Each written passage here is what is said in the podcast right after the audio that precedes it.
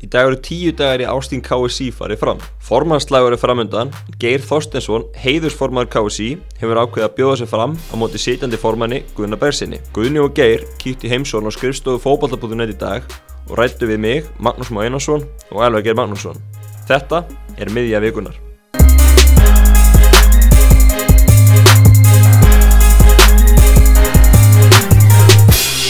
Við erum bara velkomnir til, til okkar, Guðni og, og Geir. Byrjum bara á, á þér, Guðni. Þú voru náttúrulega að tala um það að þú bjóst nú ekki við því að vera í þessari stöðu að fá heiðursformaninn á, mótið þér í, í, í frambúð. Nei, nei, nei, ég við ekki um það og ég var hiss á því og, og, og eh, já, bjóst alls ekki við því eins og ég svona held og til en þá auðvitað heiðisformar að, vera svona ákunnu kannski fríðastóli og passa upp á e, kannski já, að, að frekar að samina reyfinguna, frekar en kannski að fara á móti sítindi formanni mm. eða vinna á bakveðan e, sem slíkum þannig að þetta komir óvart Eh, hvað það varðaði en, en þetta er nýðustan og, og, og við höldum bara áfram það að ekki að dvelja við það en, en ég var, já, ég var hissa og, og svona ósáttu við það en, en ég er nú búin að komast yfir það og maður auðvitað snýrs þetta bara reynir að gera þetta jákvæð þannig að maður, maður fer þá bara á milli og tala við aðeldafélögun og kynni bara sín mál og það starf sem við unna á síðustu tveimur árum og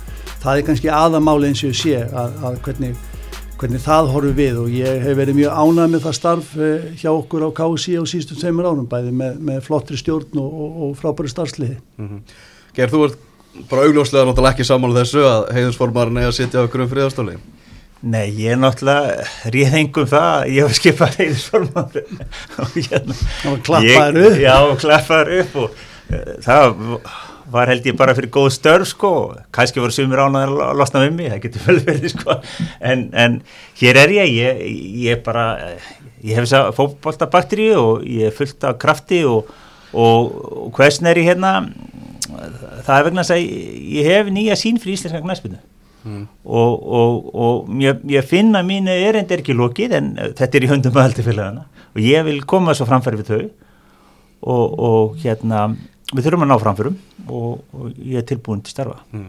Þú tilkynntir Gunna þetta ekki áður og þú fórst formulega fram hvernig var það síndal, var það bröðuð Gunni? Nei, nefnum ég var ekkert bröði ég átti nú alveg vona á því ég hana, hafði reyndar átt vona á honum svona í heimsótt til minn hérna í desember en, en það er eins og það er þannig að, að stuttu áður hana, einhverju mínutum áður þá, þá ringdan í mig og, og, og við áttum bara spjall og, og svo komum bara í þáttinn þannig að það var bara eins og það var. Mm -hmm. uh, svona baráttan hinga til hefur verið svolítið svona bak við tjöldin kannski fyrir almenning. Það verður ekki farið fram mikið gegnum, gegnum fjölmiðla. Þetta hefur verið svona vantilega því bara inni, á fjölugunum að, tala við fólki sem hefur náttúrulega raunverulega kostningarétt í þessu. Ger Já já, þetta er um, það er nú svona margir sem átt að skjáði hvernig þetta fyrir fram og hérna þetta er náttúrulega byggist á, á því að ræðu þá sem farum hættkvæðin ah og það eru aðeldafélagin þannig að já, þar fyrir bara þetta fram.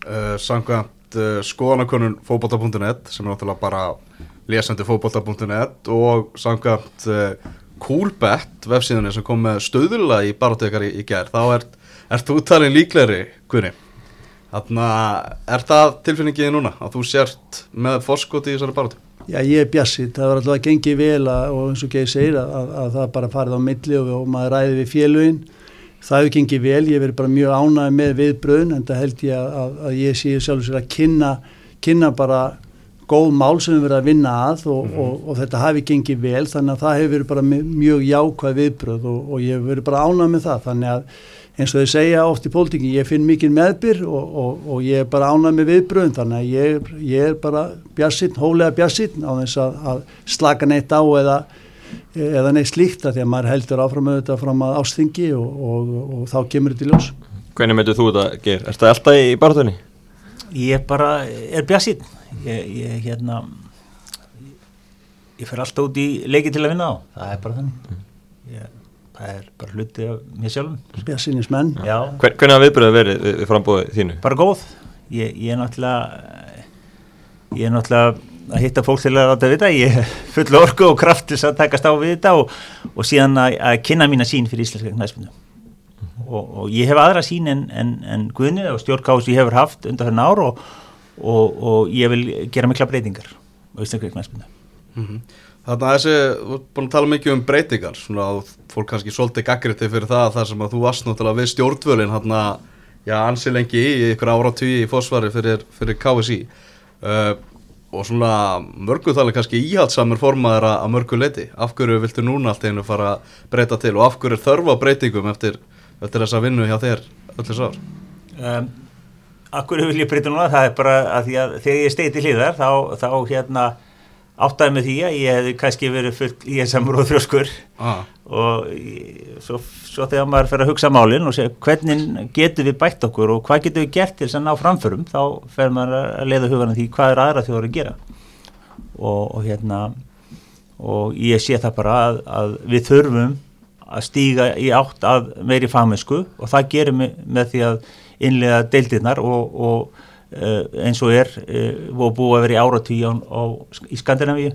Og við erum ekki að finna upp hjólið. Við erum ekki að finna upp hjólið í þessu eða, eða hvernig við spilum fótboltan okkar fólk fer ellendis og lærir taktík þjálfarinn lærir taktík þar og við lærum ímislegt af, af, af, um, af nákvæmum okkar á Norrlöndunum og þetta er hlutaði og, og ekki bara í Norrlöndum heldur í Evrópri allri og í öðrum heimsálum þannig að ég, ég vil bara að við tökum framförum og breytum stjórnkerfunu íþróttinnar byggja á Íslandi á, á, á áratögu gömlum stjórnkerfum og þau bara þjóna ekki íþróttunum lengur að mínu viti. Hvað veist þið Gunni? Þú sammála þessu? Að þurfa að ráðast í viða mikla breytingar? Ég veit ekki, ég, mér finnst þetta nú kannski ekki sérstaklega trúverið þannig, ég maður er alltaf tilbúin að hlusta á auðvitað nýjar hugmyndir eins og ég talaði um og, og, og það hefur verið honum í lóa lagt auðvitað að, að koma og tala við okkur, hann geir sem, sem heiðusforman um þetta. En, en við erum auðvitað með deildarsamtök e, og, og við höfum verið að, funda reglulega með ITF og, og, og líka farið í skipulegar heimsugund út til félana sem hefur ekki verið gert í nokkuð mörg ár til þess að mynda að taka púlsinn svona á starfinu og hvernig menn sjá framtíðina. Og ég vil líka meina undir minni formastíð eins og gengur þegar að koma nýjir frískir menn inn í störf að, þá hafa verið jákvæða breytingar á KSI og, og við fórum í stefnumótunar og skipuritsvinnu settum daldið kraft í markasmálinu, jökum tekjurnar, við erum að setja fót knaspundusvið til að reyna til að reyna að vera svona má segja eh, með, með, með skýrar í sín og hugmyndafræði í uppbyggingastafnum og fótboltanum bæðin að KSI og ekki síður út til félagana og síðan erum við og höfum verið að, að tala við ITF varðandi hlutina hvernig svona að, að miðla málu þannig við tökum þetta áfram í sammenningu og, og KSI hefur verið þannig það hefur verið að halda utan um mótahaldið á, á, á innanlandsviði sem, sem að nú heitir e, að bara mjög miklu mynduleg gríðalega góð vinna unnin þar og, og við munum halda því áfram og svo erum við líka verið í náttúrulega samstarfandi markastarð og svo framvegis. Þannig að við erum svo sannlega að taka fótboltan áfram undir hvaða formerkjum hvort að menn séu með deildina, með stóru D eða hvernig sem að það er, við erum auðvitað með samning við Pepsi, sko Ölgerina varðandi það samningum um nafnaheiti næstu þrjú árin á efstu deildunum tveimur og svo einn kassó en það má allt ræða. En ég held að við séum einmitt ákkurat, kannski með öðru leiðum að taka ákkurat fótboltan áfram e, áfram veginn og ég held að það við gengið vel hjá okkur. Finnst þið Guðinu að farið ranga átt? Ég sko, það er nú að svara inn á nokkur metrum, til dæmis eins og með stefnumótun. Stefnumótun án aðkomu aðeldi félagana, hún er ekki auðvitað um, varandi það að sækja mikið fram á innanlandsmarkaði í markastekjónum hefur komið sér mjög illa fyrir aðeldi félagin, mjög illa. Og eitt af, eitt af mínum hugmyndum núna í, í varðandi markastarfið er að, að þegar deildina verða til að þá er það mín sín að megnið að innanlegstekjunum renni til deildana til að styrkja tekjugrundvöld félagana en landsliðin og, og skrifstofa sambandsins verði reikin með erlendu, erlendu tekjum. Ef ég bara svara því sko varandi þetta, þetta er bara algjörlega þannig er, þannig er ekki rétt með farið. Við erum með sex bakkjarlar styrtralega eins og við vorum með áður. Þegar ég kem að það inn þá horfum við á þessu samninga sem að er í raun og hafa höfðu lítið breyst í átta ár og þeir voru bara ekki ásættanlegir fyrir KSI og við gerum nýja samninga og færðum þá bara í raun og veru nánast má segja til núverðis, jú þeir hækkuðu vissulega en á móti kemur að, að við erum að borga út auðvitað framlög til aðaldafélagana með, með háum framlægi 75% af hagnaði og önnu framlög og fleira. Við, við þurfum náttúrulega líka pening til þess að borga dómarakostna sem er hækkað og fleira. Þannig erum svo sannlega einmitt að láta aðaldafélagin njóta og það sem meira er það sem við höfum gert, við höfum breyka tekjugrunni, við erum í vörumerkesamningum og ellendum mörkuðum sem að gefa okkur verulega tekjur.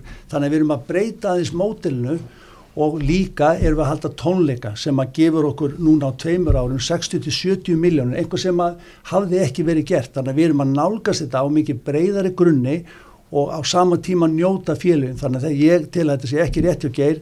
Við erum að gera þetta mikið markvisra nú er sjálfabla fjöð sem áður var kannski í raun fyrir utan miðasögutekjur 3,5% netto einhvers og leis komið upp í 11% eitthvað sem er bara eðlert hlutfall. Þannig að við erum til þess að gera að, að, að nýta mögulegna til þess að geta þá líka eld þá okkar stöðning við félögin og, og, og, og framlöndi þeirra Förum aðeins í hérna svona þeir, En mér langar aðeins að svara þessu eða við með 75% háum þess að 75% litli er lítil fjárhæð sko.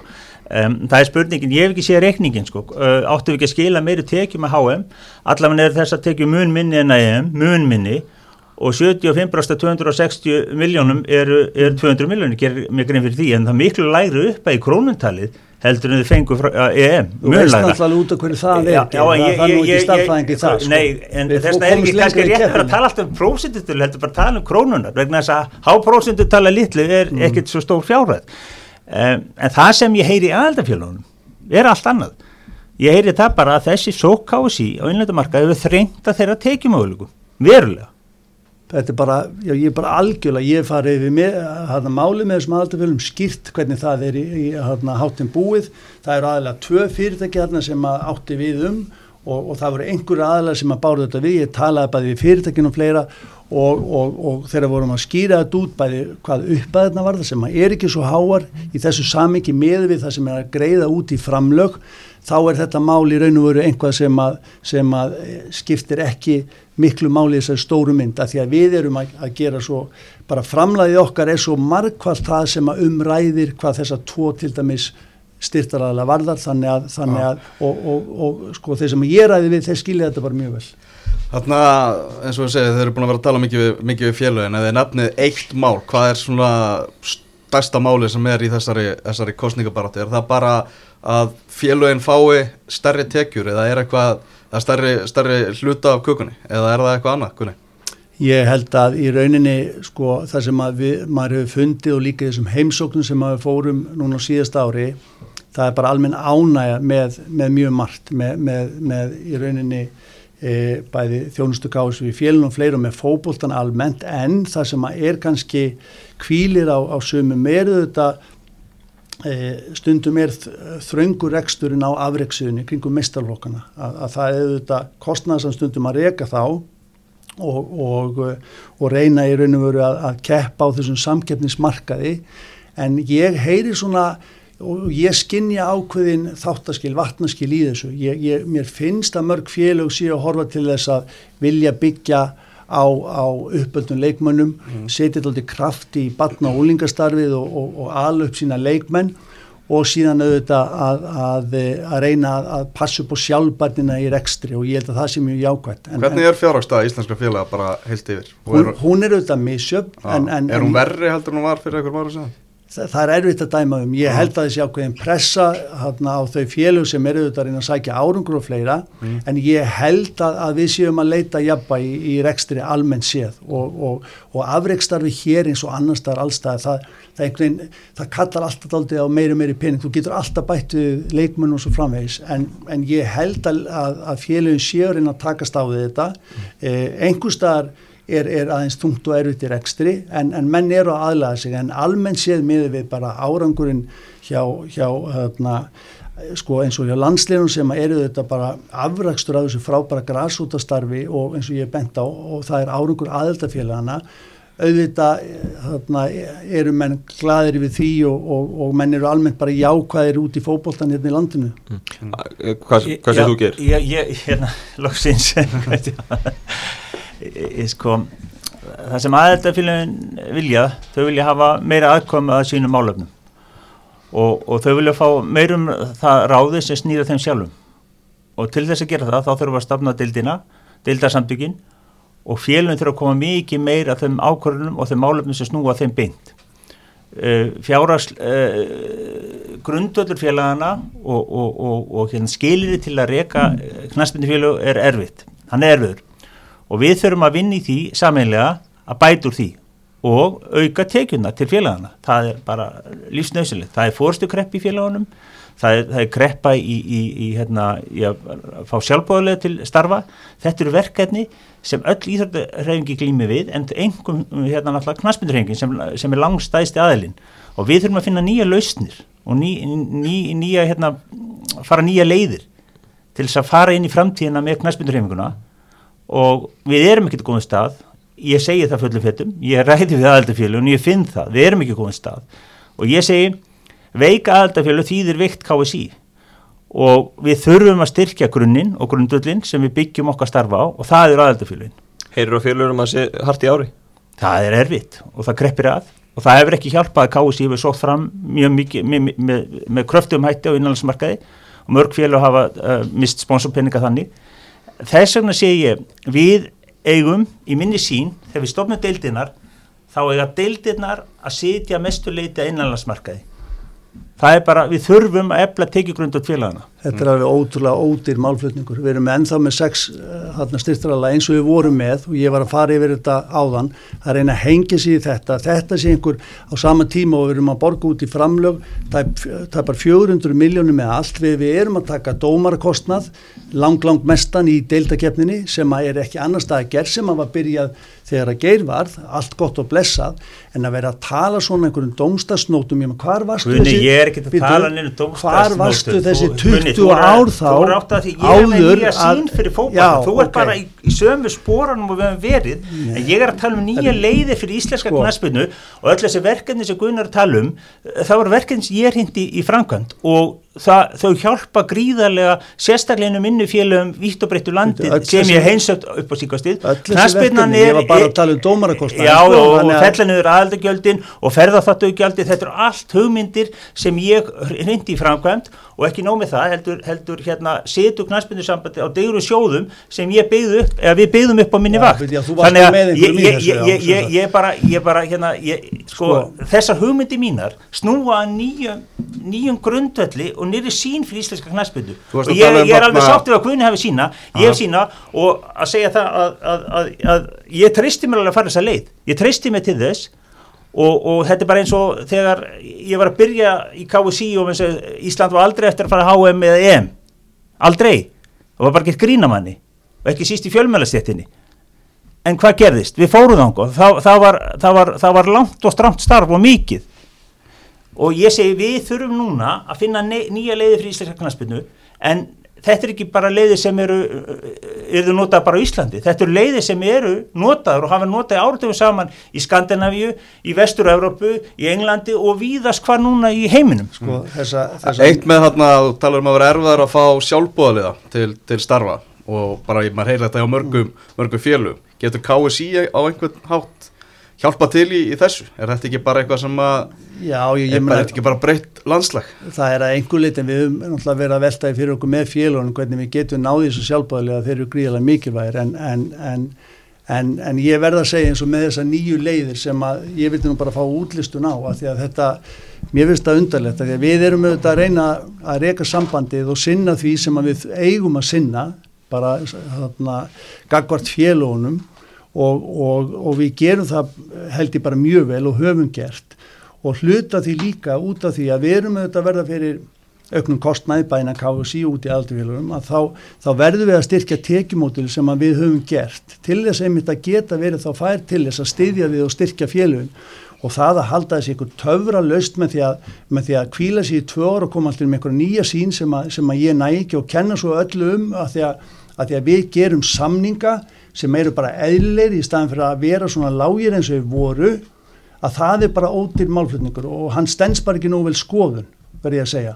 Þannig að, að ég held að meðan við erum að, að horfa til þess að, að styrkja KSI og styrkja knaspunna í landinu með, með samfunum í félögin og halda áfram að, að reyna þjónusta félögin og vinna saman líka í markastarfi þannig að þau geti líka auki tekjunar og við saman og það er þannig með sjónansamningin sem dæmi að aðeldafélögin fá alla tekjunar af sjónansamningum og það er bara vel.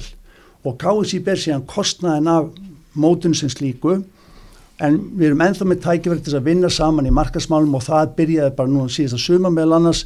Við vorum með sérstaklega markasvöldur og fyrir deildirnar vorum með, vorum með framlætt í markasmála þannig að þessi bara vinna er hafin segi ég Geir, hvað vilt þú segja um þetta? Varst þú, Ég- voru ég- samningar nú lágir á sínum tíma? Ég, þetta sko, var- það var með vilja gert sko því að það er ljóst að ef, ef, ef KSI sækir með ákvæm inn á markaði meira þá, þá náttúrulega bitnar það aldirfjölunum en ég er bara að segja það að það, það sem er núna gerist í KSI og núna eru lagabreitingar um að ITF á hitt og ITF á hitt og þetta er bara ekki svo sín sem ég sé til að leiða, til að ná fram framförum það sem ég, ég vil stofna deildinar og ég vil að sé undir væng KSI, ekki fyrir utan KSI eins og í dag, eins og það sé tvö knaspindusamband nei, það var frá undir knaspindusambandinu og, og aðila knaspindusambandinu og síðan eigum við að stofna skrifstofu fyrir deildinar við þurfum að taka niður aðeins skrifstofu KSI en stofna litla skrifstofu fyrir deildinar þannig að það eru fagmenn sem vinna því að undirbúa næsta sjómasamning sem hefur verið mjög mikilvægt verkefni fyrir íslenska knæspinu og flóki verkefni. Og það þurfum við að hafa þekking og kunnóttu til þess að glíma við það. Við þurfum að hafa þar fólk sem vinnur á markaðsmálum og kynning og íslensmáttu allt árum kring. Það dýr ekkert að vera með átagsverkefni eh, bara í, yfir sumarið. Það þarf að gera þetta allt árum kring. Íslandsmáti í knæspinu er langstæðst íþróttaviðbor Íslandi og við þurfum að fara að vinna að því mun skipular. Auðvitað getur Guðni sagt, út af hverju gerði þetta ekki í, í, í, áður?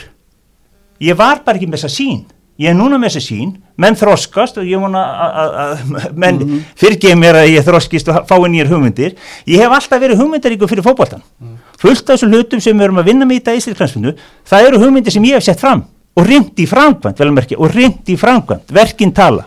En máli er, við erum einmitt með búin að stopna markasvið, við erum með, erum með mann í því sem á einmitt að sinna sérstaklega fókusur á markasmálun meðal annars með félónum. Þannig að þessi vinn er hafin, hún var ekki áður í KSI, hún er hafin núna og við erum að vinna með deildarsamtökunum ITF og við getum alveg svo sem splæst nýju nafni á það og, og haft í stort við viljum. Það er ekki málið, það er bara, það er samkomnarsættri en við- þessi vinn er þegar hafin og hún hóst undir minnistjórn núna á síðustu tveimur árum að fókusera meira á markasmálin þá erum við ekki bara að tala um sko, allt það sem við gerum í KSI er ekkert nema á að vera fyrir aðeldafélagum til góða þeirra. Það er bara markmið. Og við erum líka að vinna með aðeldafélagunum og höldum því áfram þannig að það sem maður gerir að tala um það er bara þegar hafið.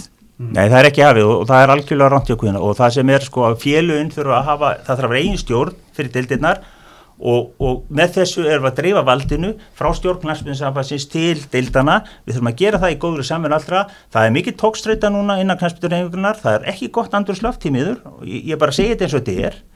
Og, og hérna með þess að fara þessa leið þá telja við getum saman reifinguna komið upp góðum samstagsanda, inn, samstagsanda innan okkar viðbanda en það er algjörlega nöðsilt í mínum huga að deildina séu undir, undir knæspindursambundunum og séu aðila knæspindursambundunum. Mér hugnast ekki aldrei að setja réttindi til samtaka sem eru fyrir utan knæspindursambundu. Ég sé það ekki og það er ekki heillavanlegt fyrir íslenska knæspindu. Og, og hérna markarsvöldur sem er hluti af, af að því að vinna um öðrum markasverkum knæspindusambansins, það er ekki leiðin heldur áfram. Leiðin áfram er að vinna með fókus á Íslandsmótið og íslenska knæspindu á sér skrifstofu, það sem er sjálfstætt en undir, í góðu samstarfi við starf, starfsemi knæspindusambansins, í góðu samstarfi. Ég vil aðeins tala um hérna uh, ITF uh, Ég er ekki saman Slögt á mér.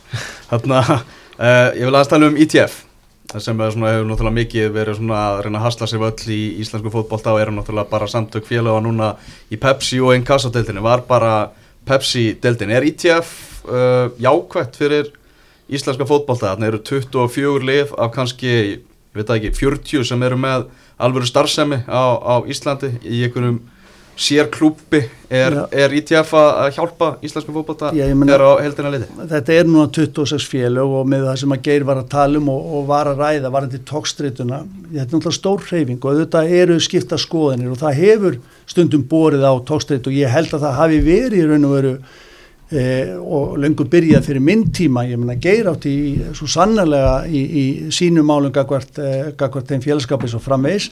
En máli er ég held nefnilega einmitt núna að undanfjörnu hefur að ná fram og árangri því að, að, að mila málum í raun og veru að ná svona lendingu og, og finna svona daldið tónin í, í, í því hvernig við viljum taka þetta áfram En í sammennu við ITF þannig að En, ég en að metnaðar fulli klúpa sem eru fyrir utan, utan ITF Já. sem eru í annar deildinni með öfluga starfsemi og svona algjörlega Hva, hva, Hvað segja þessi félög um starfsemi ITF? Já, ég, ég, ég held að í við erum fyrst og fremst auðvitað fulltrúar hérna, og erum í umbúði aðaldafélagan allra bara, og við verðum einmitt að passa það að það skapast alltaf þessi gjá á milli einhverja tveggjastu deildina og, og, og annara deilda, þannig að við erum að passa upp á það og í góðu samtali við klúbana þannig að hvernig við útverðum það síðan í framtíðinni, ég meina það var auðvitað einhver vísir að neðri deildarsamtökum verður það einhvað eða verður þetta bara heildar samtök, þú veist að það er sem hægt að stopna heildar deildarsamtök innan, eh, sko, þú veist káðu síðan þetta er náttúrulega daldi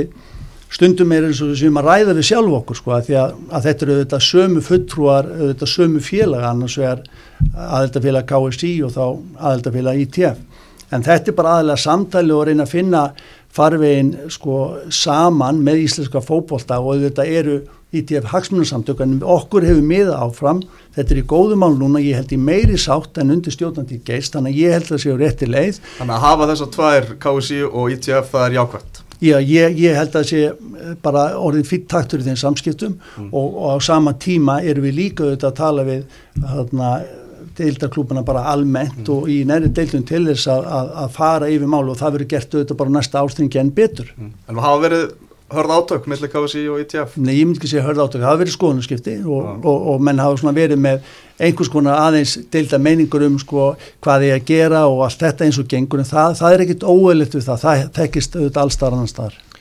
Geir, þín skoðun á ITF Ég bara vil stofna deildasamtök fyrir alla deildirnar og þa- þar verður stjórn og þau hafa mikið meira að segja um sín eigin málefni.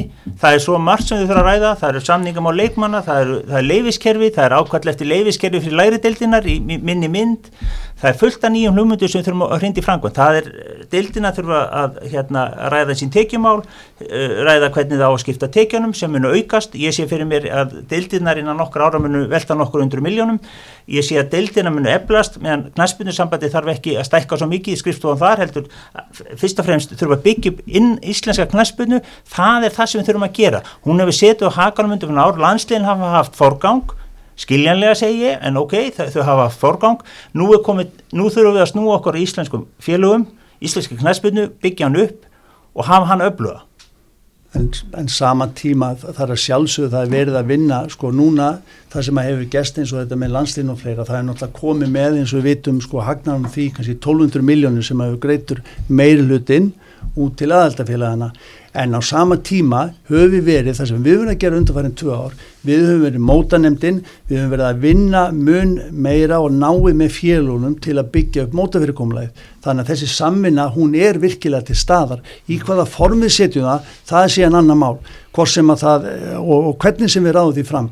En sko samstarfið KSI við aðildafélugin það er virt og það er gott við getum alltaf bætta, við erum alltaf á þeirri leið og þess vegna meðal annars eru við að, að, að skerpa áherslu minn á skristu og fleira og reyna að, að, passa upp á þjónustan sé eins góð og mögulegt er þannig að við erum svo vissulega að vinna á þessu plani. Við þurfum ekkert að slá höfunu steinin, við þurfum bara að fara til Svíþjóðar, Danmörkur og Noregs og sjá hvernig þeir hafa gert þetta og þau tóku sér skrif fyrir nokkur áratugum og núna er þetta að fara að blómstarhauðun og við erum doldið síðrasa í þessum málum.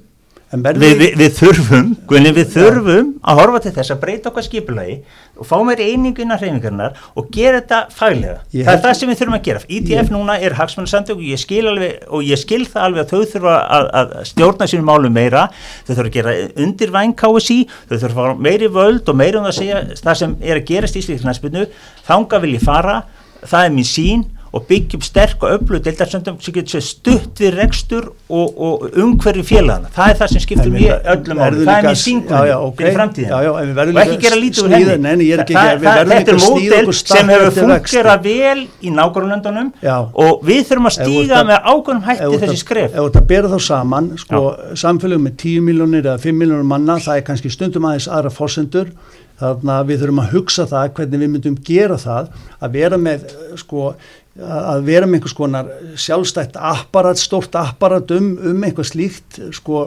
að, að, að það er eitthvað sem að verður að hugsa alla leið að því að hvað eru samlegar áhrifin Ég held að sé vel flestum aðeldalöndum uh, Júfa séu hérna deildasamtök, vel flestum Já, við erum í deildasamtök Já, þetta funkar ekki sér deilda, þetta er fyrir utan KSI-kunni Já, já, Það er, en- en ef þú sko- lítur á reglur Júfa og FIFA þá er það þannig að, að samtök sem eiga aðild sem, sem er að, að véla með knaspunumálum eiga að vera aðili að knaspunumsambundum það er ekki í staðin í dag og við, þú getur ekki verið við við, við ákvæðum að ITF sem viðurkenndir fyrir efstu hætti já, sem hagsmunarsamtök en þetta er ekki dildasamtök þetta er ekki dildasamtök Þetta er ekki dildasamtök Guðni, þetta er það ekki. Þetta eru samtök, hagsmunarsamtök tveggja efstu deild Já. eins og staðin er í dag.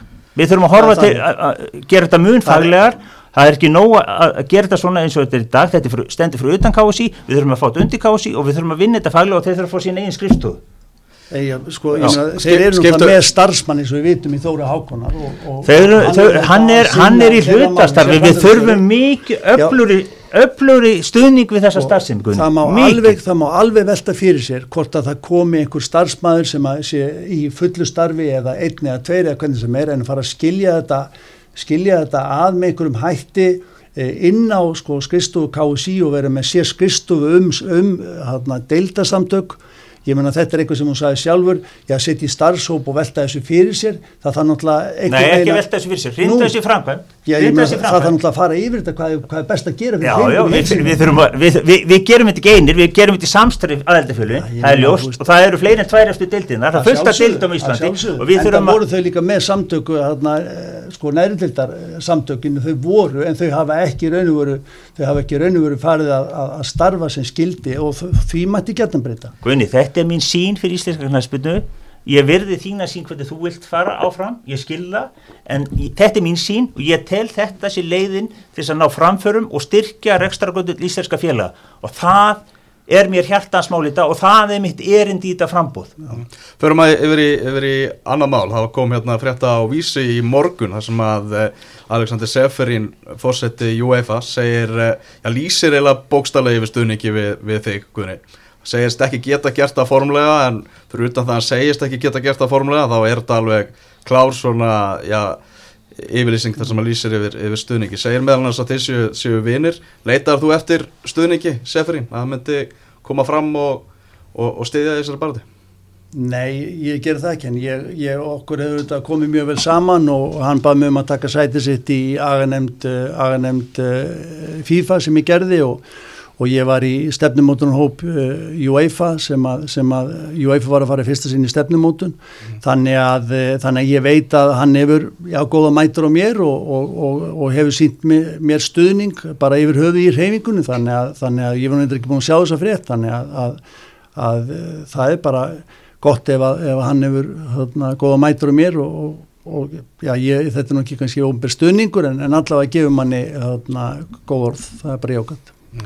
Þetta er eiginlega brómbær stuðningur, ger. er Já, þetta er freklega afskipti af knæspilnum málöfnum á Íslandi og, og dæmi gett fyrir austuröfmannin að gera þetta. Eh, Ég, eh, og, Bíddu, Austur-Evrópumannin, er það- Slóinan.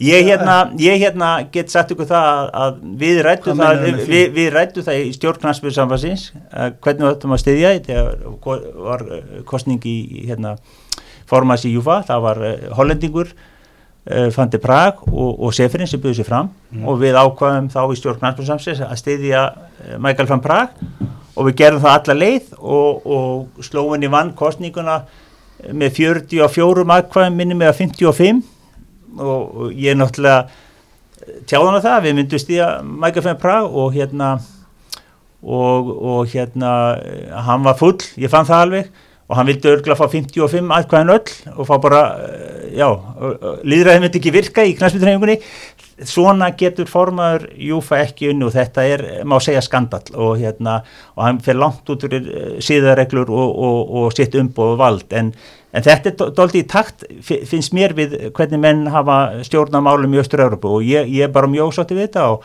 En ég er ekki að taka þátt í Júfa eða FIFA fyrir íslenska knæspunnu til þess að- koma sjálfum mér á framfæri. Ég er að vinna ákveðinu sjónamöðum og ég hef alltaf verið tilbúin að tjá mig um þau og bent þessum stóru á og ymsum innan evróska knæspunnu að litlu þjóðunar leika stórt hlutverk og eiga að fá stærri hlut í þeim tekjum sem þar eru er, streyminn á hverju ári. Hvað getur UEFA gert betur fyrir okkur kunni? Fyrir... Já, sko ég held að það sé nú einmitt bara mikilvægt fyrir eins og fyrir mig sem forman KSI að vera þarna einmitt eins og í stefnumótunum til að gæta bara hagsmuna þjóða eins og, í, og eins og Íslands og, og, og smarri þjóða og bara alls fókbóltans, það er bara mikilvægt að hafa skýra sín með hvað við getum gert en, en, en ég er samt forvið á að, að, að sér hérna tala niður til sko Eh, sko austur-Evrópu búa og, austur-Evrópu hilsina þetta sé dæmigert og setja þetta niður. Ég bara, mér finnst þetta bara mjög ósmæklegt og, og, og hérna en, en við erum bara og höfum verið auðvitað sjálfsögðu með Norðurlandathjóðunum í farabróti í, í fókbóltarheimingun í Evrópu. Við erum mjög umhugað til dæmis um kvennaboltan sem að oft eh, svona það er ekki mikil umræðum hann almennt á, á, á sviði UEFA og við höfum verið í farabróti þar. Þannig að, þannig að þetta er bara mikilvæg hluta því í hagsmunnagesslunni að því að það er auðvitað ljóst að, að, að allar, eða svona meilhuti okkar tekna kemur ellendis frá og við þurfum að passa upp á að skiptingin sé þannig að það hall ekki á smarri þjóðurnar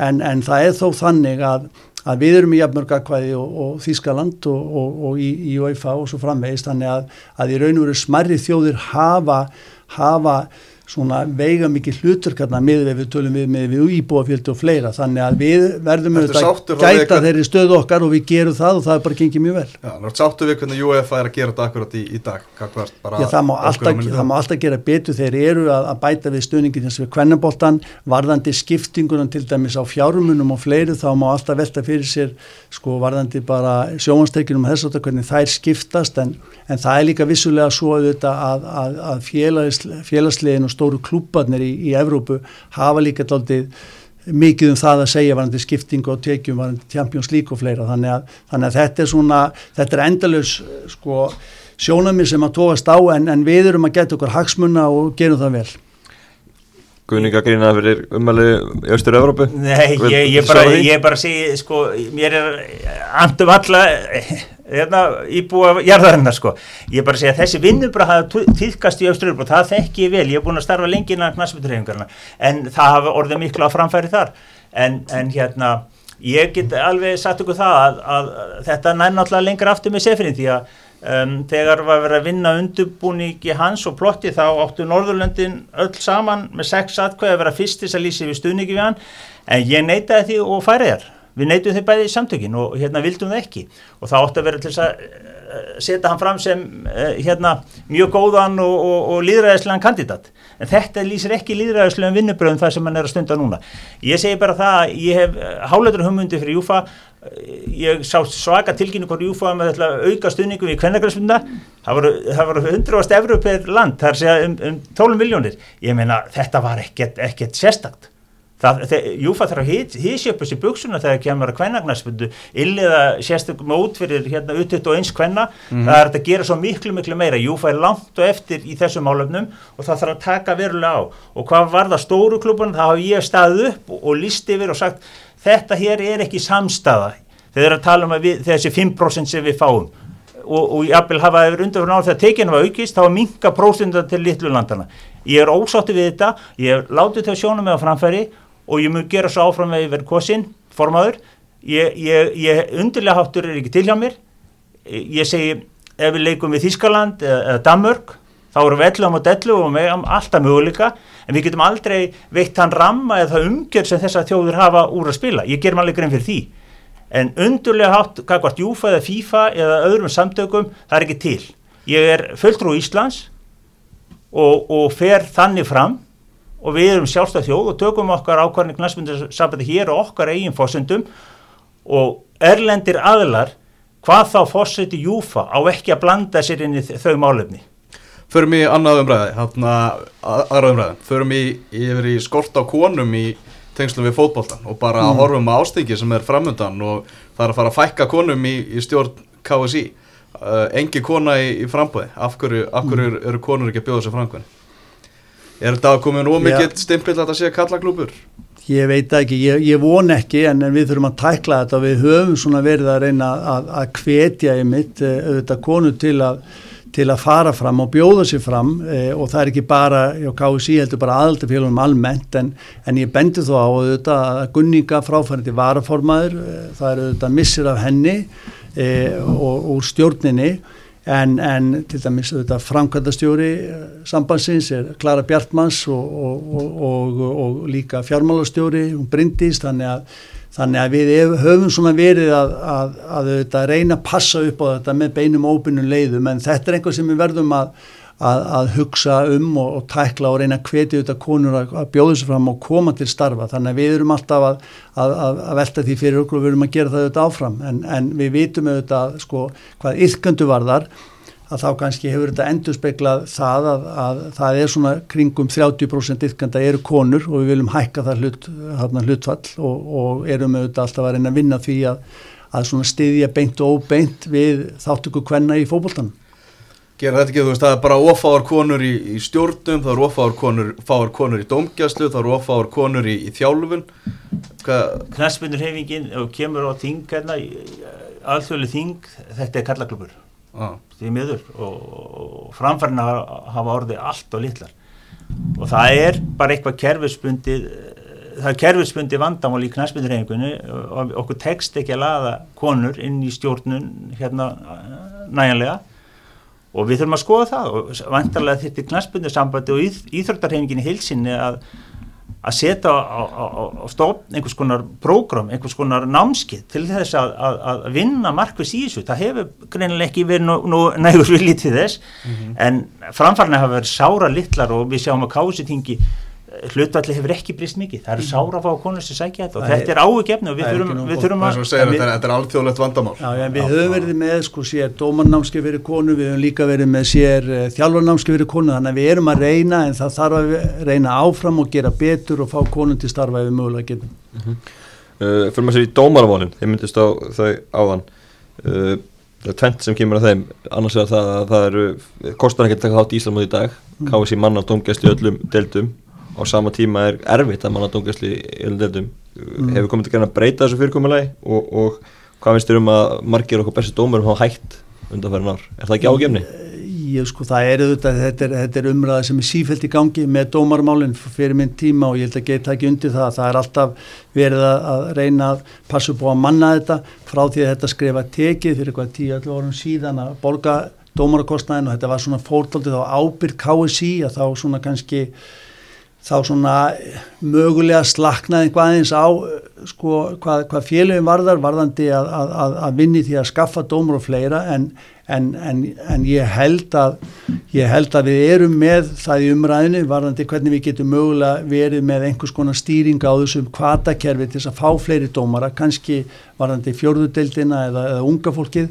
Ég held að sé líka annað sem við getum gert sem að ég veit til dæmis bæði, bæði á Akarnes, á Skagunum og FH, menn eru með svona góð prógrum það til þess að halda utanum dómarana sína og hvetjað og ungu dómarana og þar held ég að sé mikilvægt að, að bara framkoma kakvar dómurum, sérstaklega ungu dómurum að, að, að passa upp á þeirri stíka sín fyrstu skref í þessu að þeir haldi þá áfram en ég verð þó að segja þráttur þess að endun í dómurum að þessi ungu dómara sem að voru að koma inn í deildinar í, í, í sumar og í efstu deild og, og fleira landsdómarinnir, þeir stóðu sér mjög vel þannig að það var mjög jákvæmt þannig að þarna, þetta er bara áframaldandi að vinna við þetta að manna þetta og gera enn betra. Nokkuð vantadómara og við ætlum að setja prógram sérstaklega í, í þá veru til að fá fleiri í dóngislu Geir, þín sín á dómarmólin? Því ungum ára dæmt ég tíu ár sko, þannig að ég þekki þau vel og hérna um, þetta er erfið málflokkur, við erum náttúrulega, hvað var þar, það að við tókum við dóngislu, þá hjálpaði það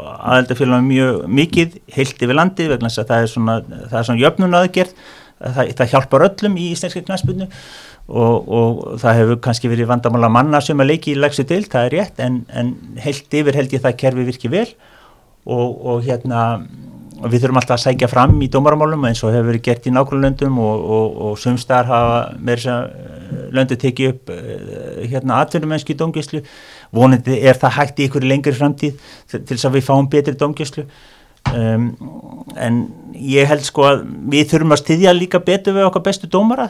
Við fáum ekki nægilega verkefni á örlendu grundu það er eitt af þessum klíkuskapinnan alltaf á fótbolltans við erum að, okkar landslið er, er að spila á hæsta level en samt fá okkar dómarar sko ekki nú verkefni á hæsta level eða, eða sérst, það teimir ekki ítt áfram.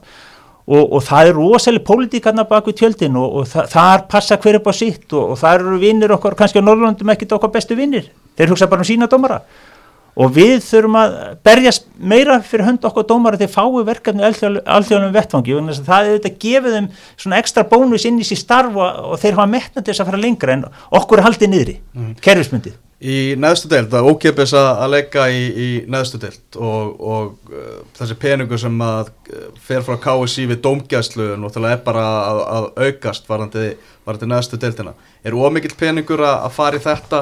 Þessi lið sem að innan gæsalappa er þetta kalla bara já firmalið, þeir eru bara oft strákar að, að leika sér í, í fótbolta, mm. ekki að alveg fótboltamenn Já, en ég myndi ekki tala þannig um fjóruðildana, ég held að það sé gríðalega mikilvægur vettangur. Þarna eru líka félög sem hafa verið með barnúlingastarf eh, en, en, en þessi deil sem slíka er svo mikilvæg að því að þarna er vettangur fyrir þá stráka sem að komast kannski ekki að í sínum félögum, uppeldisfélögum, komast ekki upp í efstu tvær deildinar, mm -hmm. þarna fá þeir vettung til þess að halda fórum í fókbóltanum og, og vera með góða umgjörð og fleira og ég sé ofta tíðum þessi fókbólti sem þarna spilar er bara, er bara anskoti eða blóti askoti góður. Ja. og þannig að, þannig að þetta hefur þarna, þetta hefur auðvitað verið þessi góða umgjör sem að, sem að kannski hefur kallað á það. Það eru lið þarna tilkynna sín það, ég held að megi alveg vera með einhvern þröskuld á því hvernig, hvernig eh, sko hvernig menn geta tilkynnt lið þarna inn og fleira, það er einhver möguleiki með bara, sko, það væri auðvitað að taka debatuð um einhver mjög hóli þáttöku gjöld ef að svo ber við, en mér finnst að, að það sé bara hlutverk eh, kási að ebla fókbóltinu landum, þetta er mikilvæg vettangur, þetta kostar okkur jú vissulega. Hefur eitthvað fundið fyrir því að þú ert félag í efrið dildun sem ósátt við hversu stór eh, biti kukuna fyrir þetta? Ég, já sko það, var einhverja rætti verið um það. Ég held að flestir áttu sig á mikilvæg þess að mörg hverju þetta hafa byrjað líka sem mennslafélög í fjóruðlildinni og, og svo hafa þau kannski farið upp um deilt og svo framvegs hvað þetta kostar okkur nákvæmlega ég held að séu kannski einhver möguleg um 13-14 miljónur eitthvað slíkt e, og, og, og jú, jú, það er vissulega peningur en þetta er bara hluti af íslenski knaspunni flóru og hún er mikilvæg. Playoffsið í fjóruðlildin er frábær þetta er, þetta er skemmtileg deild en það má allt skoða og velta fyrir sig hvort að fjóruðlildin ekki gildum ekki skaffa fleiri dómara og hvort að ég veri eitthvað mjög hóflegt gjald til þess að, að eh, fyrir svona þeirra þáttöku í þessu og svo framvegist það er eitthvað sem, að, sem, að, sem við höfum svona áhuga á að skoða eins og bara hreyfingin í heilsinni varðandi kostna við að reyka mm. Íslandsmótin okkar. Getur ekki fengið meira frá þessum fjölugum eins og Gunnar tala um í dómarastörf eða eitthvað inn í þannig að þið gefið tilbaka í íslenska fólk Ég kom öllu þessu á þannig að ég fyrir að glápa á þessu. Að opna íslenska knæspunna nátt eðli félagið mismunandi í knæspunnu og og það sem er mikilvægt í knæspindursambandi er að standa vörð um aðeldarfélugin og standa vörð sérstaklega um þau félug sem er að sinna barn og unglingastarfi því að það er framtíðsleika knæspindu við höfum aldrei gleyma okkur hérna upp í aðeins level að gleyma græsrótinni og gleyma barn og unglingastarfinu og, og, og það er það sem ég legg áslá og öllu þurfa að leggja eitthvað að mörgum og þess að segja þeir sem njóta þess að verina kási þurfa að leggja eitthvað að mörgum ég er sammálað því Herri, ég ætla að fá uh, hálfa mínútu frá okkur, uh, frá hvorum ykkar um framtíð Pepsi-deildarna, hvernig þið sjáu Pepsi-deildina breytast á, á næstu árum. Þá er ég að tala um fjölgun, fækkun, lenging, meira gerfikras, breytinga mótafyrirkomulagi. Uh, hver er þín skoðun, Guðni, og bara klukkan komin að stað? Já, Pepsi-deildinar eru bara okkar efstu deildir, mjög uh, mikilvægar sjálfsögðu sem slíkar og, og, og við höfum verið að vinna með deildunum og með félunum í því að, að ebla markastarfið, reyna að fá fólk á völlin, fá sérstaklega yngra fólkið á völlin ja, og, og ég held að gæri, ég held að það er mitt megi skoða hvort að, hvort að við breytum því því að það, það má allt skoða hvað það varðar. Og möguleikin til dæmis á lögutasvöldi með þakki gæti gefa okkur möguleika frekar á að lengja enn frekar sísónið eða tímabilið. Og það er einhvað sem ég held að verðum að skoða bara sem hreyfing hvort að við viljum einhvað leika okkur með fyrirkomulega á deildinni til framtöðar fókbóltans Ger, hvað hva segir þú? Mín sín á þessu er mjög skýr. Þegar við höfum stofnað dildarsamtökin, mm. þá er það eitt mikilvægsta verkefni dildana, það er að ræða mótafélgkomulegið. hvernig sjáum við framtíðslega knastmyndi fyrir okkur, sjáum við fyrir okkur úrslitakeppni sem sömstæðar hefur innleitt í, í nákvæmlandum og við í Evrópu allir þessi möguleikar upp á borðinu en það er deildina sjálfa sem er að ræða það og koma með nýðustöðu Það er bara þannig uh, Auka aðsó, fá fleira fólk á, á völlin Hvað er helsta vandumáluð okkur því að okkur, gengur svona erfilega að fá fólk til að mæta á völlin Guðni? Já, ég held að það séu bara líka sko, breyta samfélagsaðstæður ímislegt í umhverfunu, það er meiri samkeppnum, tónstundur og fleira. Unga fólki kannski vill eh, já, fá þetta meira, í, ég segi ekki síman eða sjónvarpunu, sjá highlights og svo framvegis, þannig að kultun er aðeins að breytast en, en við erum um bara að, að vinna gegn því og, og við erum að, að, að ná árangri að eins og í fyrra þá, þá var smá aukning í Pepsi-deilt kalla sem var mjög jákvæmt með við regningasumar eða vorum að háum og svo framvegis. En, en það sem við erum að gera núna við erum að gera á, á miðlagt miðasölukerfi til að fá upplýsingar um líka hverju er að mæta völlin og hverju er ekki að mæta völlin við erum að gera markaskonun og svo framvegis þannig að við erum í nánu samstarfu um að passa upp á aðsóknu og reyna að fá hana sem mesta á þetta völlin en við verðum svo líka átt okkur á því að sko fólk er að fylgjast með fókbólta svo mismundi vegu dag á, sko, á öllum miðlunum og, og svo framvegs og við verðum líka að taka með það í reikningina um hverju er að breytast en auðvitað vinnum við stansast því að fá fleira fólk á völlin.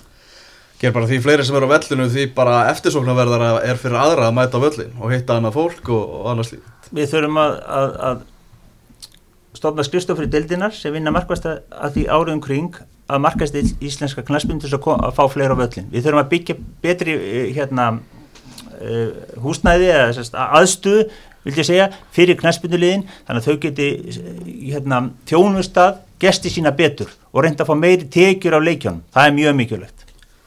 Mm -hmm. Og hvernig gerum við það? Hvernig byggjum við betri aðstuðu? Fá, fá meiri tekjur Já. Já, bara með því að bjóða þjónustu selja meiri varning, selja þjónustu selja veitingar og, og Mörg félag sem að gáðu í þarna Já, hvernig gekk hjá það? Það bara gekk frábæla og endanum er það þannig. Dýrmættasta markasendingin er auðvitað bara hjá félagunum sjálfum. Þú ert að mæta á, á káervöllin til þess að fara á káeleik ekkert endilega pepsileika það, það, það eru félögin sem að hafa beinustu tenginguna við sínastöðnismenn og það er svo mikilvægt. Og þessi aðbúnaðir þessi þjónustu sem það er, er svo gríðilega mikilvægt þannig að það var, það var mikill kraftur í þessu markastarfi hjá félagunum og það hjálpaði eitthvað mest og svo voru við líka að hjálpa til auðvitað KSI til þess að samrama aðgerir auðvitað með Ölgerin og Pepsi og svo framvegs þannig að, að við sáum uh, virkilega jákvæð teikn hvað það var það þannig að við höldum bara áfram því, því þarna, e, svona átaki svo líka svo mikilvægt að vera með jákvæðina að leiðiljósi, vera að tala þetta upp að því að íslensku fókbólti er frábær á svo margan hátt og, og, og íslenska deildin hún er bara stór skemmtileg deild þannig að, þannig að það, það, er, það er margt að selja og, og gott að, að auðvitað fá okkar fólk á völlina því að það er bara gaman að mæta á íslenska knastmjölu. En er ótt dýrt, var ótt dýrt á Pepsi-deildina 2018, bara þitt persónulega mat? Nei, ég, ég held ekki en, en, en, en markaðinu verður alltaf að ráða því. Ég, meni, ég held að mörgu ungu fólki finnist að dýrt að borga 2000 krónur sagt, inn, á, inn, inn á völlin og það vorum sömur að lækka nýri þúsund og svo framvegis. Þannig að það er eitthvað sem við verðum aðtáa en auðvitað er frýtt fyrir 16 og undir þannig að, þannig að í, í samanbörði við Evrópu þá er þetta ekki dýrt. Ég fór á, K.R. Grindavík manni í, í sömar bara sem áðurandi í stúkunnu var svona að líta í kringum eða sem að sló mig hvað mest var, hvað meðalaldurum var rosalega hár á, á völlinu uh, það er strempið að fá ungt fólk til að, til að mæta völlinu þessu störa, ger Já, það er ágefni og, og við þurfum að huga þeirri markasetningu og hvernig við eh, náum ungu fólki inn í reyminguna almennt, Þa, það er mikið ágefni þegar þú, eh, akkurat þetta þegar við búum sjálfbálið þetta starfa kannski okkar félagi, ah. þá er mjög líklegt að þeir séu já eldri fyrir en yngri mm. og þetta er hluti af vandamann finnst þið með að vera óhátt á pörsluðina? Mm, ég veit það ekki, ég finnst bara mjög mikilvægt núna að horfa til þess að, að félun eiga að hafa þetta frjálst og selja miða á þau miðaveri sem þau telja best fyrir sig mm -hmm. Miðaverð á landsleiki er það sangjart, Gunnar? Ég, ég held að það sé bara já, temmilegt, þú getur fengið auðvitað það verðist vera að dýrari miðarnir eru vinsalastir en, en, en það eru miðar auðvitað á, á, á ákunum verbili frá fjóru upp í, í 7.000 þannig að þetta, ég held að, að það sé bara temmilegt, þetta er, eh, ég held að þetta sé bara svona það verði eins og, eins og þetta eigi vera, það má alltaf velta fyrir svo vondi með stækkum allar eins. Mögulega við getum haldið við horfinu og ekki þurft að hækka, ég vil lækka eins miðurverð þannig að það getur verið spennandi. Hvernig sér þú nýjan lögatarsöld fyrir þér? Já, ég held að ég, ég hef draumum að það verið byggt hérna einhvers konar samgómhús fyrir Íslendinga, einhverstað, hérna í lögadalum eða einhverstað stöður og, og við getum leiktan kannski fyrir tíu leiki ári. Það, þannig að við, knastmyndurhengin getur ekki reikið slíkt mannverki, við höfum ekki fjármang til þess, þannig að eða byggt það upp, hva, hvað þá byggja það sko, en, en hérna... Það er rosalega strempað að fá lögatarsvöldin í, í gegn. Hvernig er þetta í bara nákvæmlega löndunum hjá okkur og löndunum sem við erum að bera saman við? Er þetta jafn mikið hark að fá endurbætur á þjóðarleikvangi? Um, síðasta dæmi um nýjan þjóðarleikvang í, í, í, á Norrlundun er leikvangurinn Frensarina í, í Stó, Stokholmi Ah. og, og sænska sambandið e, fóri þá uppbyggingu með, e, með byggingaræðila, verktaka e, sem var e, eigandi að mannverkinu uppaflega með þeim og, og það var gríðarlega þungt högg fyrir sænska knæspunnsambandi og, og lokum var held í knæspunnsambandi að selja stóran hlut sinn í því. Og, og fjárháslega var það bara baggi á, á, á samtökunum en, en völlun er risinn og hann þjónar sænska landslinn í dag sem er mjög mikilvægt og, og yfirbyggur leikvangur. Og hérna þetta er svona drauma leikvangur fyrir okkur eitthvað sem við, við myndum vilja eiga á Íslandi Já, ég veit að margir fótballtagamenn eru svektir þegar þeir sjá svona fréttir frá færiðum núna, það sem er að rýsa bara ringbyggður flottur þjóðarleikvangur. Já, já, þeir hafa gert þetta miklu mynduleik færingarnir og, og, og verið með duglega við þetta. En þetta er í, þetta er í farvegi. Maður er þetta sjálfur sem formaður hefði vilja fá meiri hraða í þetta og maður er að þrýsta mikið á stjórnvöld en það er búið að setja þetta í svona þennan loka fasa þar að segja undirbúnisfélag sem á að taka ákunnum það hvað verði gert og, og í því undirbúnisfélag er ég formaður KSI og þá fulltrúar Reykjavíkuborgar og, uh, og fulltrúar ríkisvalsins þannig að, þannig að við setjum það núna bara á oddin uh, að, að, að þessi, þessi ákvörðum verið tekin og það, það maður búast við því að, að Að, í raun og veru á endanum þetta fari þá bara mögulega á þessu ári einhvers konar útbóð með, með til þess að finna þá þennan raunkostna sem að kannski ríkisvaldið og borgin er þá að horfa til hvað þetta munir kosta. En það að vera með hérna völl glæsilega nýjan leikvang með, með þaki til þess að geta auðvitað spila hérna vetri til væri auðvitað besta lausnin og við erum að vinna því. Og það sem að þá er verið að passa upp á að, að varandi Reykjavíkufélögin að þetta veri fjármagna með þeim hætti af Reykjavíkuborg þeir eru eitthvað sem að greiða til vallans á hverju ári og þurfa að gera endurbætur. Að þetta veri á langtíma fjármagnum þannig að þetta hafi ekki neinn áhrif á, á framkvæmdir hérna Reykjavíkufélagana hér, eh, hér á höfuborgarsvæðinu í Reykjavík. Þannig að þeir þurfi ekki að hafa ágjör að þetta skarist við það ef við förum í byggingu lögðarsvallar sem við ætlum okkur að gera Mm. Fólk svona út af við það er alltaf að tala um sætin, að þau eru eitthvað að stækka völlin eða eitthvað þannig. Sætafjöldin, ger, það er bara aukaðatrið, það snýst náttúrulega bara um það að við séum með leikvang sem er með viðunandi aðstöðu fyrir alla aðila og sé hægt að spila á hann. Já, ef, ef við getum spila heima í mass og, og, og november, það er náttúrulega við stöndum höllum fæti núna í Evrópu, undurbúningi Evrópumótsins Mm. Og, og það er slemt fyrir okkur og, og slemt fyrir Ísland og, og möguleikar okkar að komast í gegn, minka við það, við þurfum að byrja tvofastileikin út og enda út í november og það er ágefni fyrir knæspina á, á, á fólk á Íslandi. Þannig að við erum algjörlega samála en hugsaðu ykkur bara stráka sko stemninguna í því ef, að, ef að við fáum völl með þakki þeir getur verið með byggjurústaleik hérna í enda tímabils þarna sem að sko hann hefur aðeins gefið eftir í aðskonarfleira ég sé það með svona stórleikja sko andrumslótt við getum verið með 10, 12, 13 manns á byggjurústaleikjum við getum verið með playoffs þarna í, í inkassodildinni sem að getur enda þarna. Eitt lið fer upp og, og fjögur fer í playoffs úslítakefni í, í Pepsi-deildinni ef við viljum prófa það og svo framvegs og framvegs og þegar við förum í þetta Evrópukefni félagslegi deg í, sko, hérna, í riðila sem við munum gera út af breytingu á, á fyrir, fyrirkomulega Evrópukefni, það munum við gera. Og svo er hugmyndi líka við ætlum að sækja um HM 2027 kvenna. Þannig að, að, að sko möguleikarnir fyrir, fyrir bara deildaboltan og, og íslenska knaspunnu eru gríðalegir og fyrir utan tónleikahald og allt það sem fylgir þannig að ég held að þetta veri gríðaleg liftistöng fyrir fókboltan og bara samfélagið er um háðan 2027, hvað það myndir það? Já. Norður- Norðurlöndin. Norðurlöndin, Já, já. Þannig að við náum ekki að halda í hana, Nei, en, en við getum fengið að vera með eitthvað. Já, já, við getum ekki verið með leiki og hundi bara ríðil þannig að, þarna, þannig að það er, er, er gríðalega spennandi verkefni og, og, og ég bara trúði ekki öðru. Ég er búin að vera að vinna að þessu þarna, lengi, að þú veist þessi tvö ár og geir þar og undan að þetta er einhvað sem við sem hreyfing verðum að saminast um og, og, og komi gegna því að þetta er bara fjárfesting sem verður að fara á þessu árabíli 50, 60 og 60 ára gammal leikongur upplægi. Mm. Mm -hmm. Yfir maður fókbóltamála, hvað á að vera stóra markmiði sem á að nást með því að taka upp þessa stöðum? Á það að sjást í því að Alansliðin okkar verði betri í framtíðin? Já, til lengri tíma. Ég menna, yfir maður knaspunni sviðs, eins og eitt af þessar sviða sem við ætlum að setja fóta, hann á rauninu bara samræma alltaf starf sem við erum inn að KSI, sko, á fókbóltasviðinu með þjálfurunum, þannig að allt faglega starfi verði sem upplöðast innan KSI, en ekki síðu líka að vinna með aðildafélagunum til þess að bara þróa þjálfununa og sjá hvað aðildafélagunum gera í, í rauninu veru svona þjálfun leikmanna Ég sé það sérstaklega þegar komið græsótastarfi hjá okkur er alveg frábært. En þegar kemur kannski upp ólingaaldur meiri svona afreiksmið eða kannski þjálfun þar getum við unni betur saman í, í þróun leikmanna. Þannig að þetta er auðvitað fyrirkomulega sem við þekkjum vel allstarfnast að frá. Og, og, og ég held að við verðum vera með skýra hugmyndafræði og, og stefnu. Og ég bara nefni sem dæmi bara fljótlega að Sko við höfum ekki verið að vinna til þess bara með næringafræði innan KSI með sérstaklega næringafræði stefnu eða, eða svona einhvern seffræðingi þeim efnum eða íþróttasálfræði markvist með okkar landslið. Þetta er einhvern sem ég var að vinna sem leikmaður fyrir 15 árum sko þarna þegar ég var aðtunumæður ah. og svo framvegs. Við, sko þjálfur geta farið frá KSI á þess að skilja eftir sér staf krók og svo framvegs þannig að við eigum svo margt inn í þessu og ég nefnum svo eitt félag Háká sem að, að vildi taka eins út síðan starfsemi svona þjálfræðilega þú veist það, það, þeir voru að koma inn í stjórn. Við erum ekki reynur með neitt vett okkur að kási til að sinna því. Þannig að við getum sem betur verið ennþá styrt þetta hjá okkur og, og, og, og það er allir að gera. En verður hann uh, yfirmaður alanslistjálfara Íslands?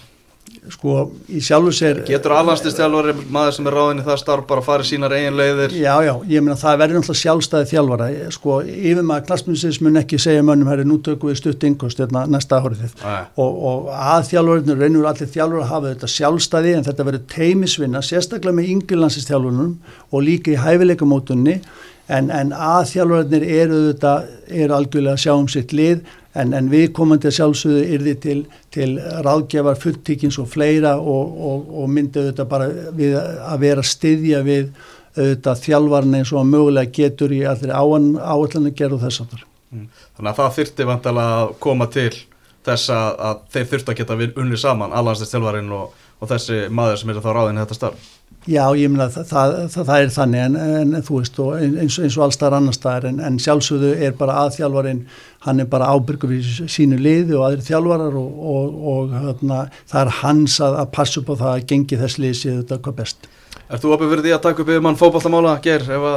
Nei, ég held að við þurfum að verja okkar fjármunum betur og ég tel að við höfum fræstistjóra og við getum útvikað hans starfsvið þannig að hann geti, geti sýnt einhverju mér í verkstjótt hjá þjálfurum yngirlandslega en ef ég ætti þessa peninga þá myndi ég verið þeim til þess að um, um, hérna, þar sem knaspinnan er í Varnabartu við um land og ebla garsóttastarfið hún er við á Norðurlandi, Östurlandi semstar á Suðurlandi og Vesturlandi þar er bara svo kvöldu kvöldsvæði og við þurfum að huga vel um þeim vegna þess að það skiptur okkur gríðarlega máli. Þetta er knaspinn samt Íslands er ekki höfuborgarsvæðinsins að knaspinnan uh, standi styrkufótum allstar á Íslandi. Því að okkar, sögumir okkur bestu leikmönum hafa komið frá minnstu svæðunum minnstu byggðunum. Og ég, ég hef þessa sín frekar þannig að ef ég hef þessa fjármunni þá myndi ég freka verið en þar. Þetta finnst mér, þetta finnst mér mikil skamsinni verið að segja, ég held að, að þetta sé einmitt mikilvægt núna á þessum, þessum tíma að, að horfa fram á veginn og vera einhvers konar framþróun, vera framsækin og með þessu erum við líka stiðja við og styrkja starfið einmitt út í aðaldafélunum. Þessi viðkomandi er til ráðgjafar, ég ég fekk símdar hérna frá KF fyrir Norðan sem har velta verið að vera með yfirþjálfarastöðu. Við erum með í leifiskerfinu yfirþjálfara hjá félagunum í tveimur efstu deildum. KSI er ekki með yfirþjálfara sem er þá ígildir ennum yfirmanns klaspinusvis.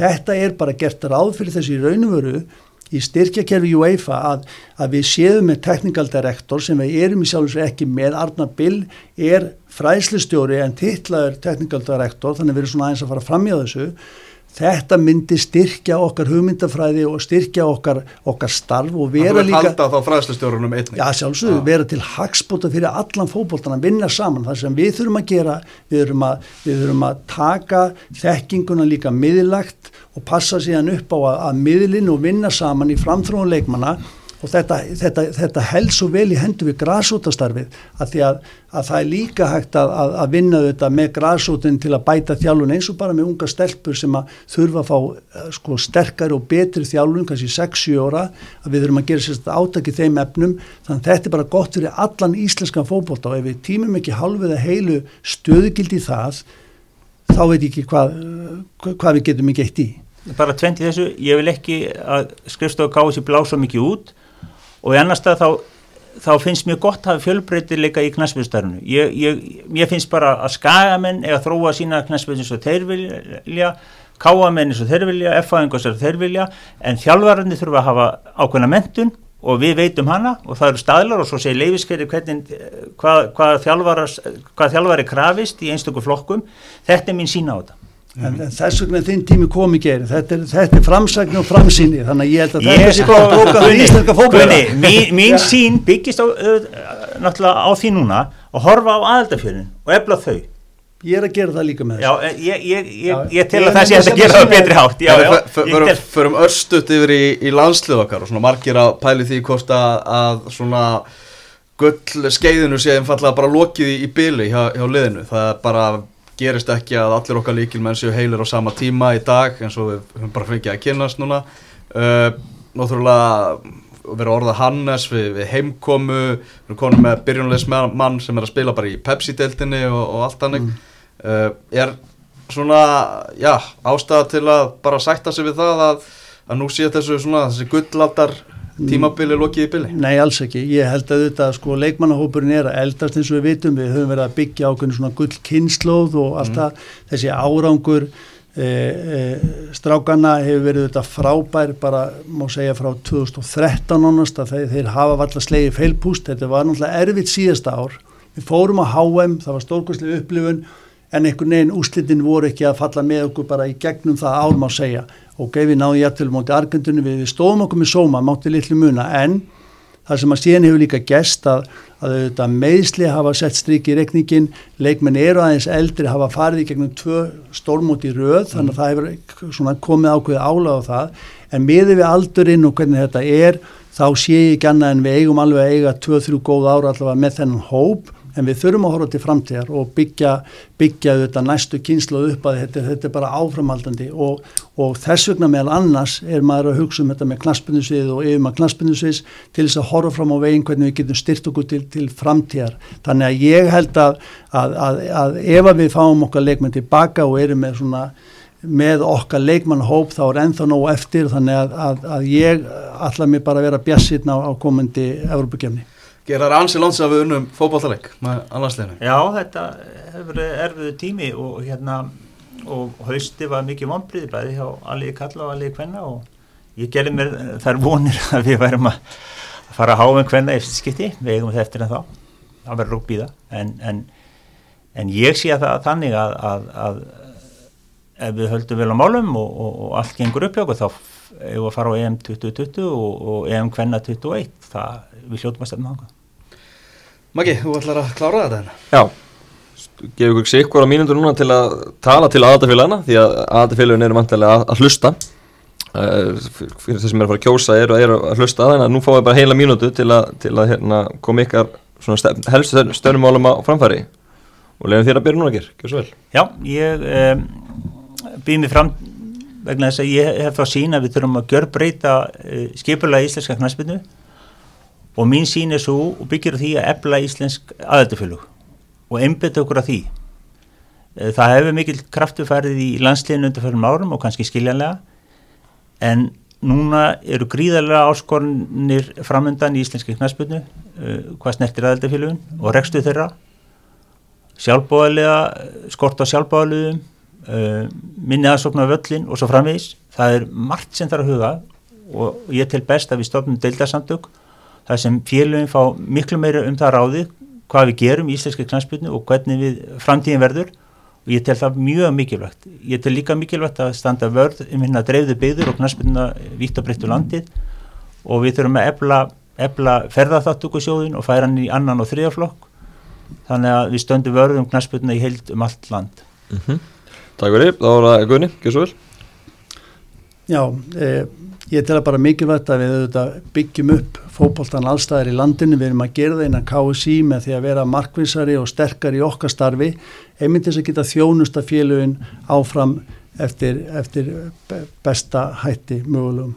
E, nú fókbóltin hefur verið á góðri syklingu við græsóttastarfi er það sem við byggjum á, það er gríðilega mikilvægt átt að segja á að að 98% yrkenda verður ekki afreiksfólk, við verum að passa upp á það að allir yrkendur njóti sín, við verum að byggja upp aðstöðun í landinu til frekari, e, til, til frekari knaspinu yrkunar, við erum með, við erum með, það er frumvart núna frammi um, um endurgreysla byggingkostnaði og íþjóttumannverku sem er mjög jákvæmt, við erum að vinna að, að ferða jöfnunar leið til þess að steyðja við starfið sérstaklega á landsbyðinni við erum að halda áfram að, að, að styrkja okkur á öllum sviðum, við verðum að vera framsækin, hafa gleðina líka leiðaljósi og ég held að Íslandsku fókbóti og aðeldafélagum sérstaklega geta verið stolt að þessu starfi og við ætlum að halda áfram, sækja áfram og, og, og njóta þess að vera í fókbóttunum saman á öllu landinu. Það held ég. Það er einu og hálf uh, vika til stefnu, það til að ástingið verður, það verður haldið hér í Reykjavík 9. februar. Uh, rétt að lokum, hvað fer svona, hvernig er dasgáðin þess að einu og hálfu viku ger? Er þetta að fara eitthvað að gera gegnum göng og eitthvað? Nei, ég, ég hérna tók síðustu viku og fór ringin sko, hann er ég búin að, ég búin að klára það sko, en, en, en hérna, nú bara halda áfram að ræða aðaldi fylginn, það er fyrst og finnst dasgáðin. Mm, Já, það er sama hér, ég er búin að vera með mikið samtali marga að fara út á land og eftir að fara meir út á land og svo framvegis og hérna auðvitað líka suðvestur hodninu og, og það fyrir auðvitað að undirbúa auðvitað bara ásting, það er í mörg hodna líta fyrir okkur inn á KSI og, og, og þetta er auðvitað okkar okkar þingd þegar við komum saman og ræðum málinn og, og við erum líka með málþing á förstu deginum á, undin, á, á, á undan ástinginu sem er mjög áhugavert þannig að það er mörg hóttan að líta en, en það er líka bara gefandi og gaman að taka þetta samtal, kynna sín, kynna sín verk og, og heyra líka hvað félagin hafa að segja þannig að þetta er bara búið að vera erisamur og, og skemmtilegu tíma og verður það áfram alveg örugla næstu tíu dagana. Já, þegar þarna eru nú vinnmarkir báðir, hvað, hvað eru markir sem eru að vinna svona nái með ykkur í kostningabarátunni, hjálp ykkur í þessu, ger, hvað ertu með mark, stóran hóp bakvið? Ég bara, ég leita til ímsra eh, kappa í reyfingunni sem ég þekki vel og en, en ég, ég keir áfram á, á mínum eigin humöndum, mestarleiti í þessu sjálfur, já. Mm. Já, já, maður er bara með svona þöngan hópu þetta vinna og, og, og þeirra sem að tristir í reyfingunni og, en aðalega er þetta bara að svona einn á einn að hitta á fólk og hitta á, á, á stjórnarmenn og tala við menn í sím og svo framvegis þannig að maður gerir þetta bara mestu litið einn. Mm. Er ánægum einhvern veginn barðan að fara fram hinga til? Já, já, ég, ég, ég er ákveðlega sattu við það, ég er ósattu við útspil uh, fórsetta Júfa í morgun og hérna en öðru liti er ég ákveðlega sattu við það. Guðni? Já, þetta er svona farið fram bara í syngur hodnum, við erum að rekast á þegar við mætum í viðtölu eða hittum á einhver félug, þannig að þetta held ég að við bara farið ákveðlega fram. Algjörlega, herru það við segjum þetta bara gott í miðuna þessu senni. Heldur betur. Bara takk hjá alla fyrir komuna og ganga vel í, í baróttunum. Já, takk sem leiðis.